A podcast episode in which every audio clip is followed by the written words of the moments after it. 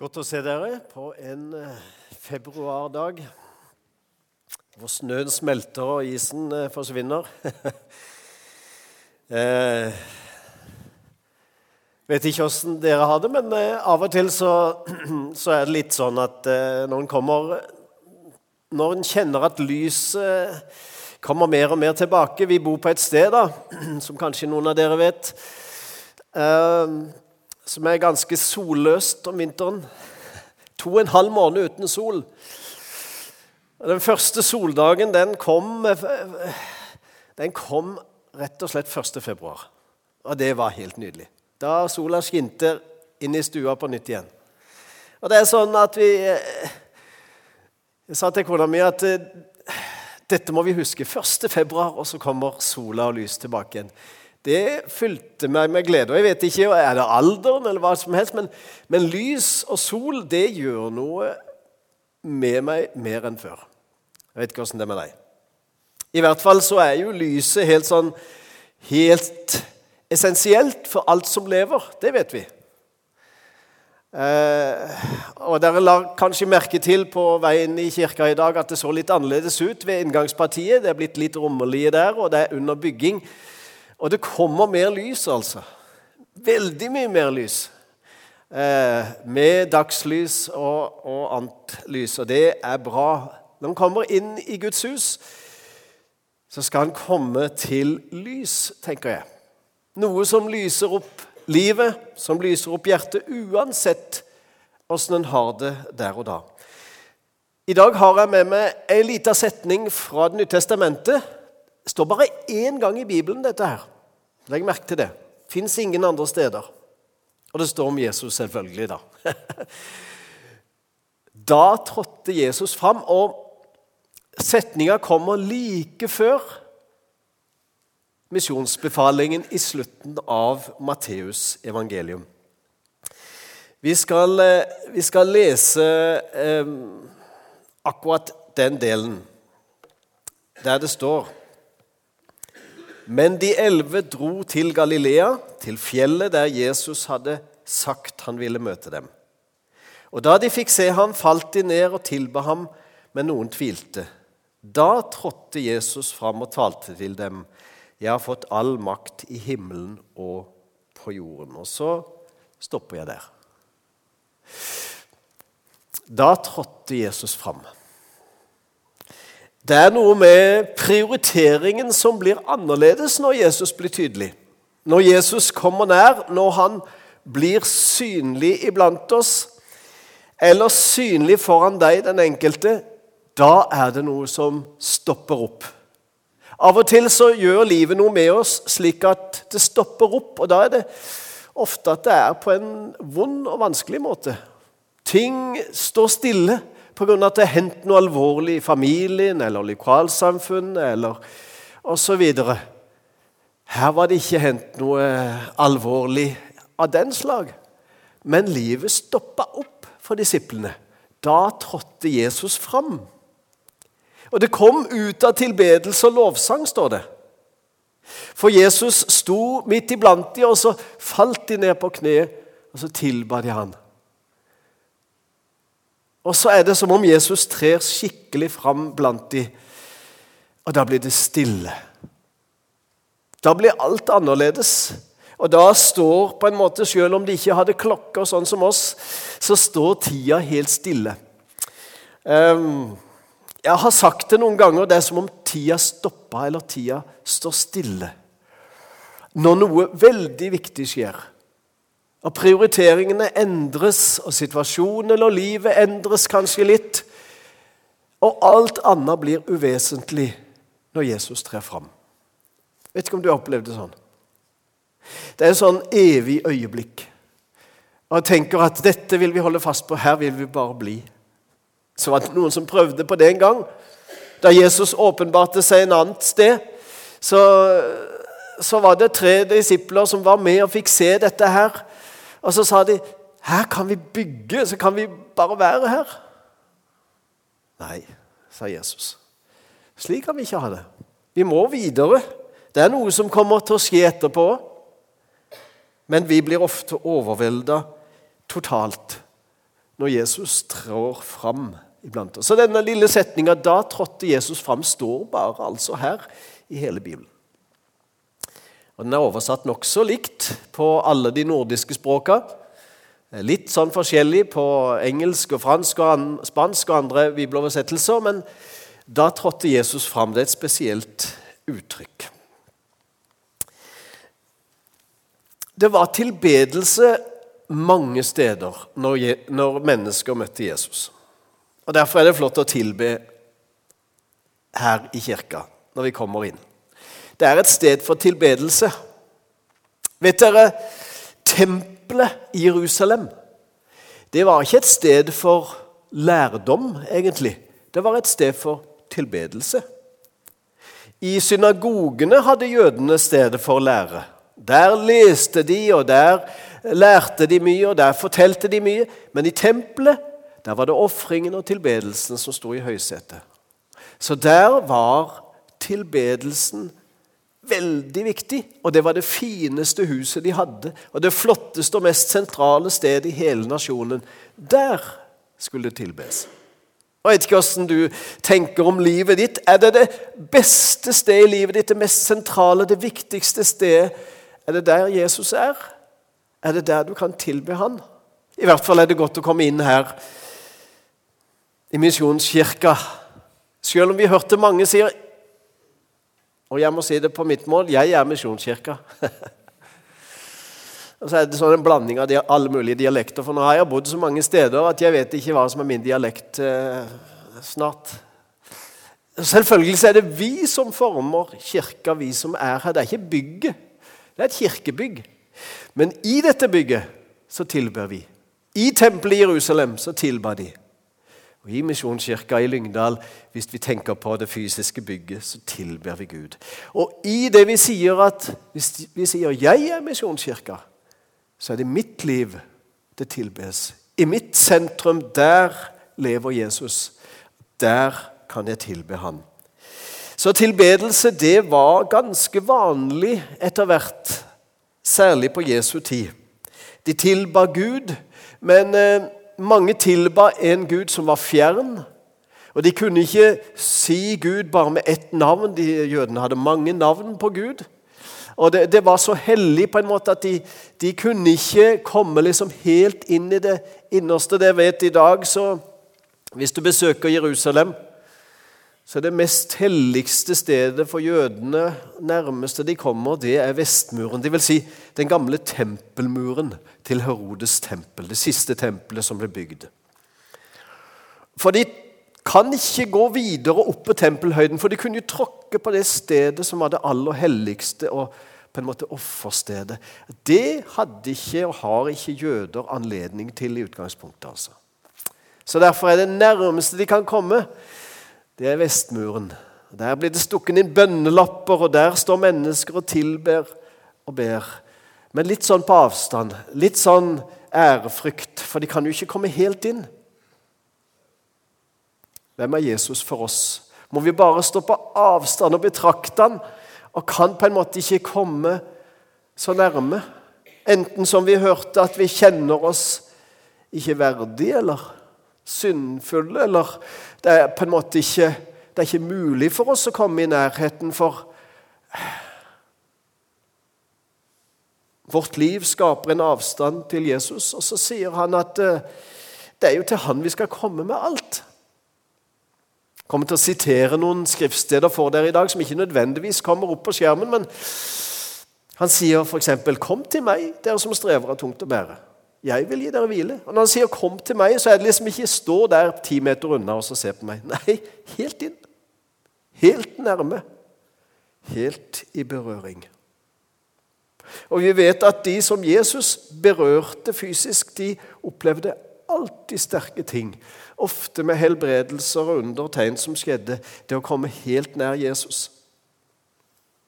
En grunnleggende og en, holdt på å si, en sånn jordskjelvopplevelse der livet ble annerledes etterpå.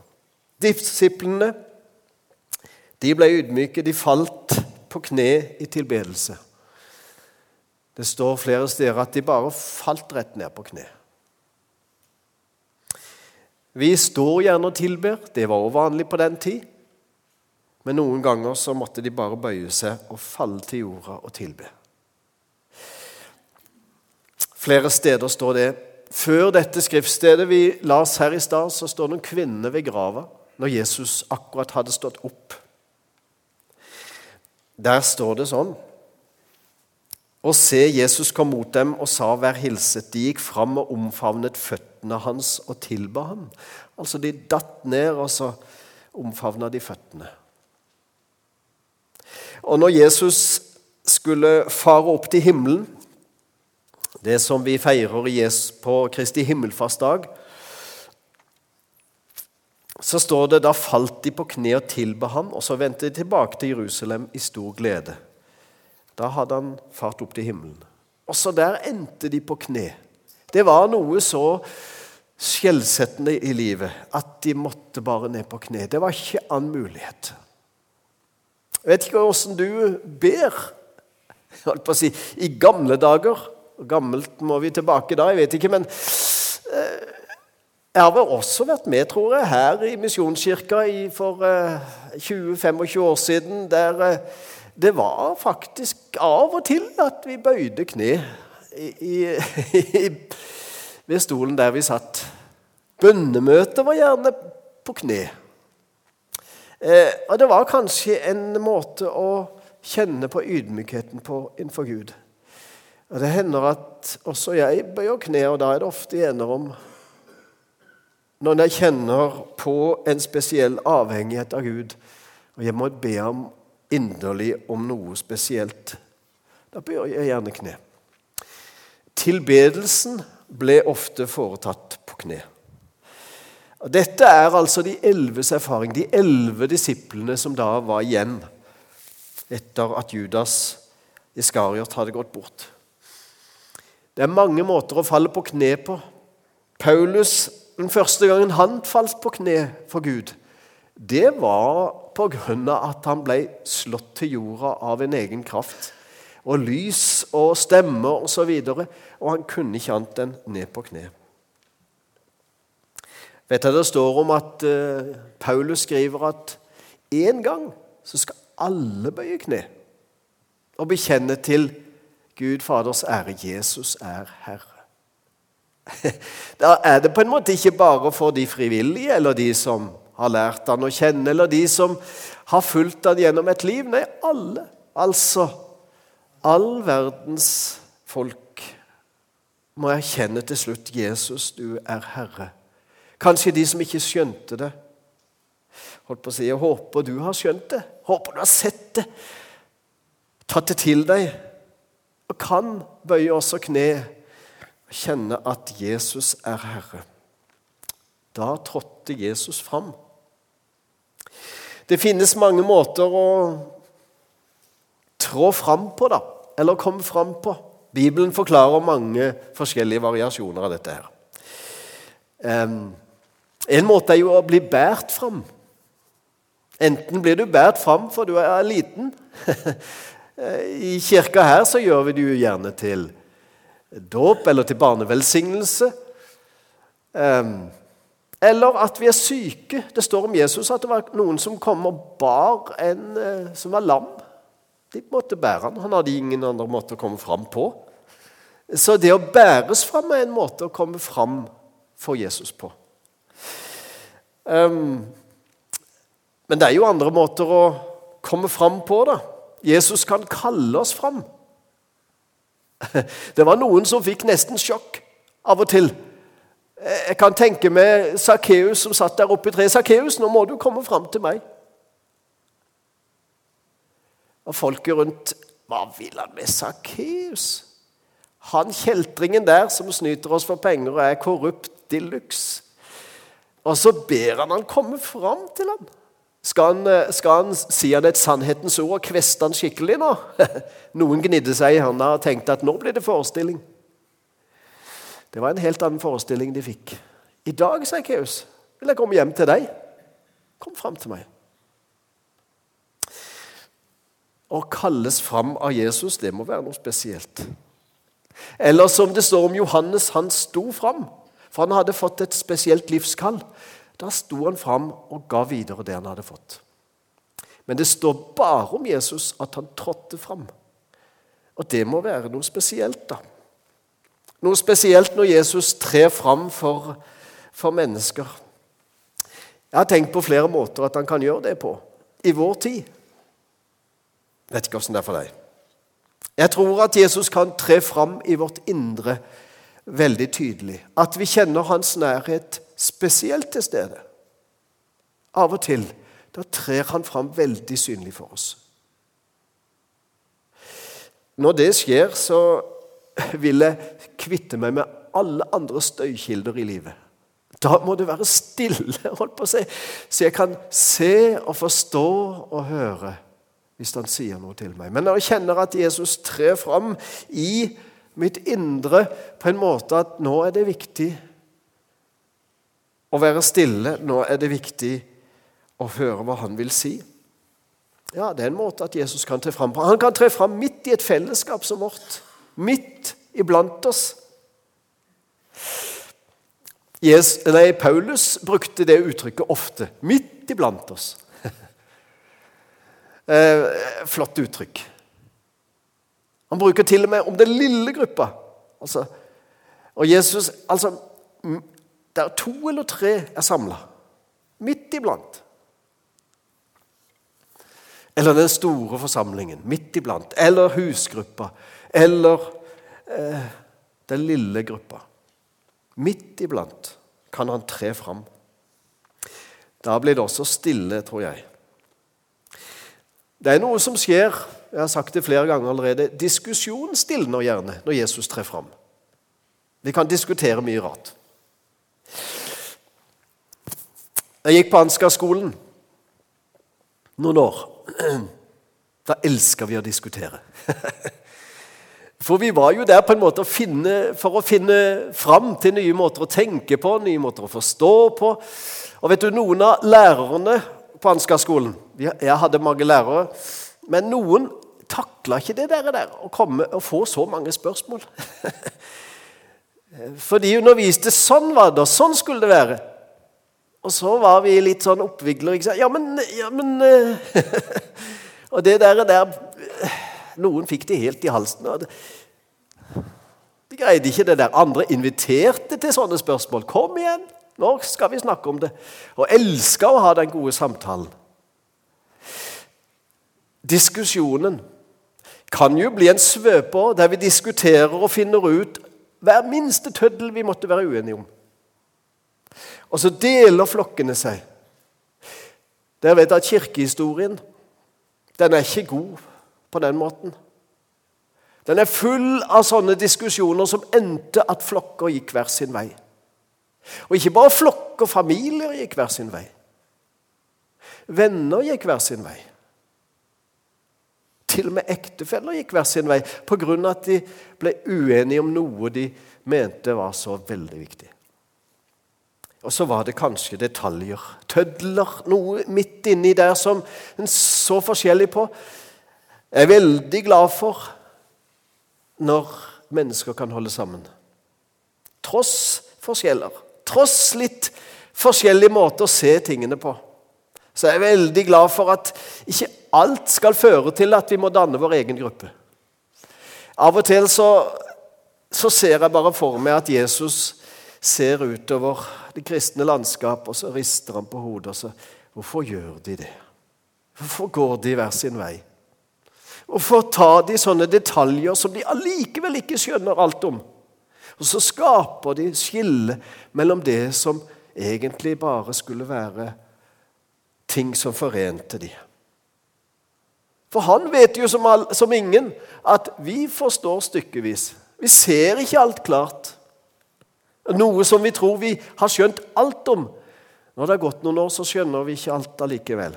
Elin Løvås er en god, en god lærer, en god forkynner. Eh, fantastisk kar som jeg lærte å kjenne gjennom mange mange år. Nå er han hjemme hos Gud. Han skrev noen kort til meg av og til. Sånn En gang i år eller noe sånt. Jeg fikk et sånn fint, sirlig, flott skreven kort. Han elska ikke data akkurat. Jeg fikk noen mailer nå, men, men kort det kunne skrive.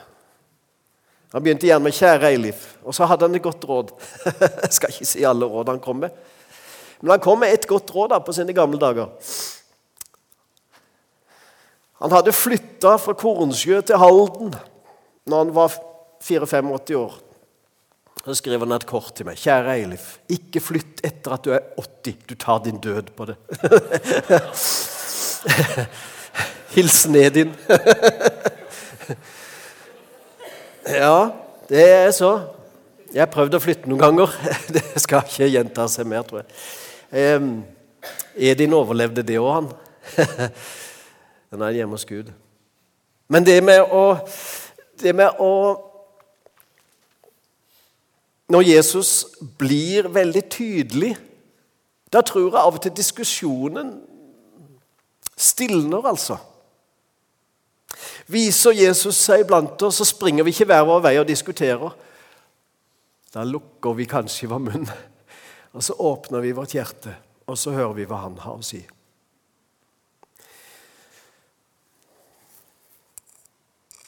Så tenker jeg på den dagen. 17. februar 1919. Kanskje ingen spesiell merkedag. står ikke noe i kalenderen at det var så veldig ting som skjedde akkurat denne dagen. Kanskje i hvert fall ikke det jeg har uh, funnet ut. Men kanskje det var denne dagen der Jesus trår fram i ditt liv, så du blir stille.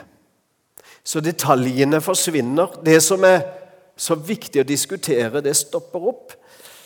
Og så blir det det at Jesus trer fram, som blir viktig. Diskusjonen stilner, spørsmålene avtar, tvilen fordunster litt bort som dogga om formiddagen. Og Jesus blir sentrum, og alt annet blir omgivelser. Edin Løvaas, min gode venn, han sa også 'Jeg liker ikke lange linjer'. Jeg liker sirkler. Der Jesus er midt i sentrum. Og Når vi kommer nærmere han, så kommer vi også nærmere hverandre. Som eikene på et sykkelhjul. Og Til lenger vi er fra han, til lenger blir vi òg fra hverandre. Og Han sa med det noe om fellesskapet. Når vi kommer nær Jesus, ja, så har vi ikke problemer med å komme nær andre som tror på Han heller. Da blir forskjellene så små. Og Det er dette handler om for deg og meg. Han må tre fram for oss, tre fram for deg, tre fram for meg. Tida stopper, alt annet blir uvesentlig. Jesus må en erfare personlig. Jeg tror på en personlig frelser. Jeg tror ikke på noe upersonlig doktrine som en skal gjenta bare med ord. Jeg tror på et kjennskap og en relasjon til Frelseren Jesus Kristus. Jesus eh, taler på mange måter. Men av og til er det bare synet av han som er viktig. Det var når Jesus kom mellom disiplene. Han hadde ikke sagt noe ennå, men de falt ned på kne med en gang og begynte å tilbe ham. Det var det store viktige. Jesus var der. Han trengte ikke å si noe som helst. Han bare var der. Av og til er det vi trenger. Synet eller det indre overbevisningen om at han er her, og det er nok. Da trenger jeg ikke så mange ord. Trenger jeg ikke komme med så mange spørsmål og bønner. Han er her, og det er nok. Og det holder. Men når han til og med taler, og vi hører stemmen hans, da, da blir alt overveldende. Jeg har sagt det kanskje noen ganger før her på talerstolen, men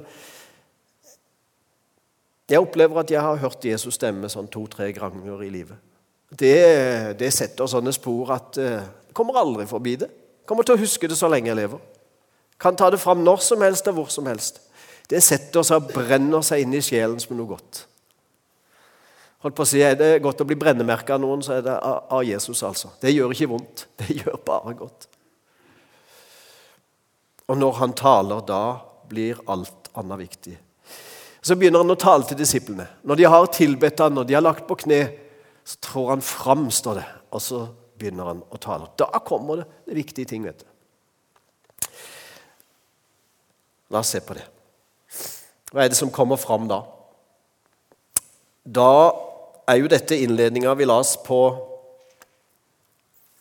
misjonsbefalingen.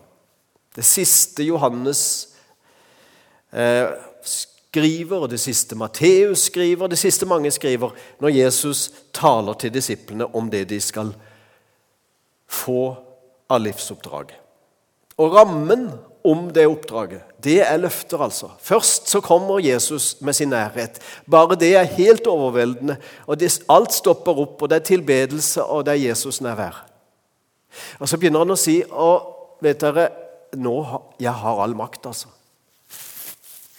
Og der satt de, gjemt og låst inne, og redde for eh, soldater og myndigheter.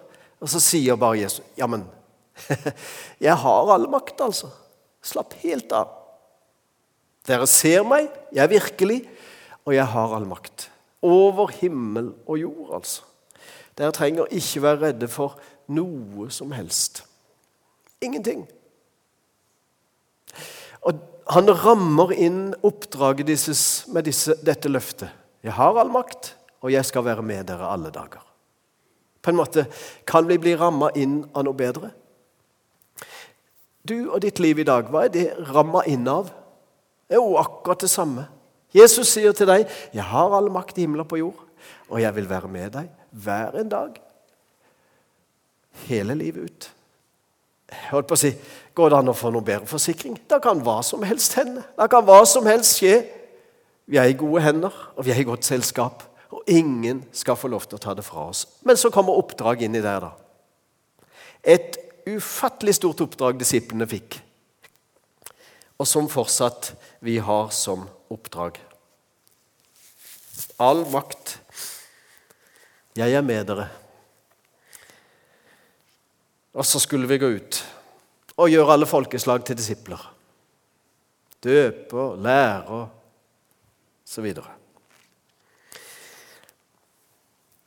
Vårt oppdrag som kristne det har aldri forandra seg. Vi har en levende Jesus, en frelser. Disiplene var overbevist om det. De så han, de hørte han. Vi har et levende evangelium. Det vil si, det er ikke en lære vi skal utbre, eller en, eh, holdt på å si, en organisasjon som vi skal få folk til å slutte seg til. Det er en, et evangelium, gode nyheter om et nytt liv, der Jesus står midt i sentrum. Det er levende. Det skaper levende disipler. Det skaper fruktbart liv. Um, av og til så sier vi om ting det er så tørt at det ryker av det. og Da tenker vi at det er liksom ikke liv i det i det hele tatt. Det har gått nesten i oppløsning.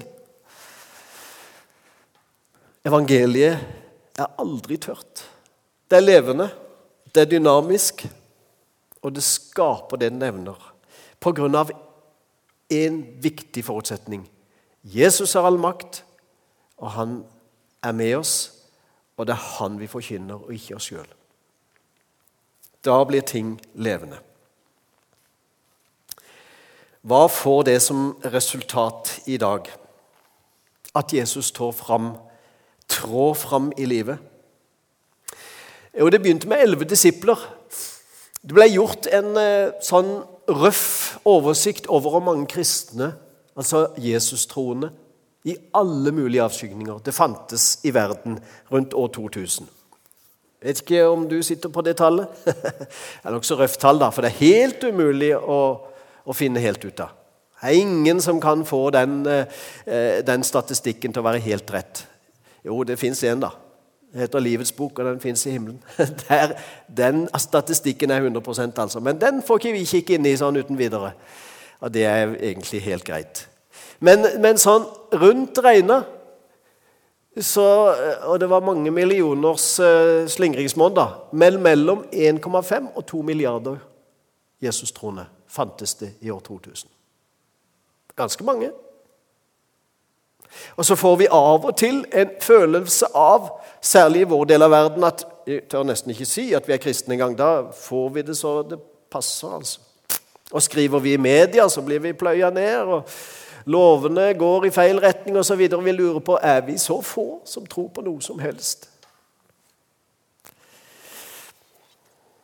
De åra jeg reiste til Afrika, så, så var det litt eh, fantastisk, da, egentlig.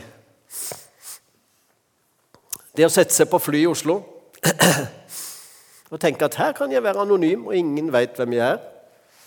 Og Skulle jeg stå opp og si at jeg er kristen og jeg er en pastor De ville se rart på meg og lurt på hvor han rømt fra.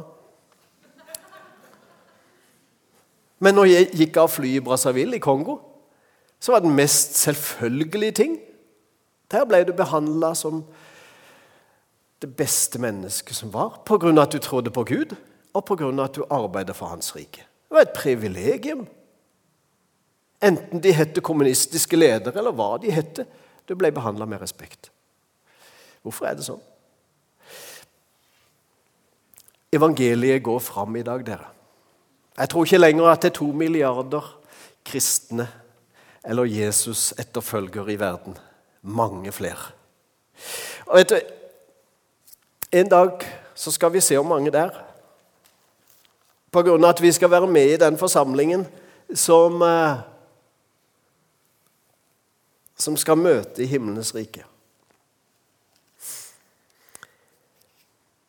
Deretter så jeg en skare så stor at ingen kunne telle dem. Nei, det var ikke mulig, altså. Av alle nasjoner og stammer og folk og tungemål. De sto foran tronen og lam kledd i hvite kapper og med palmegreiner i hendene.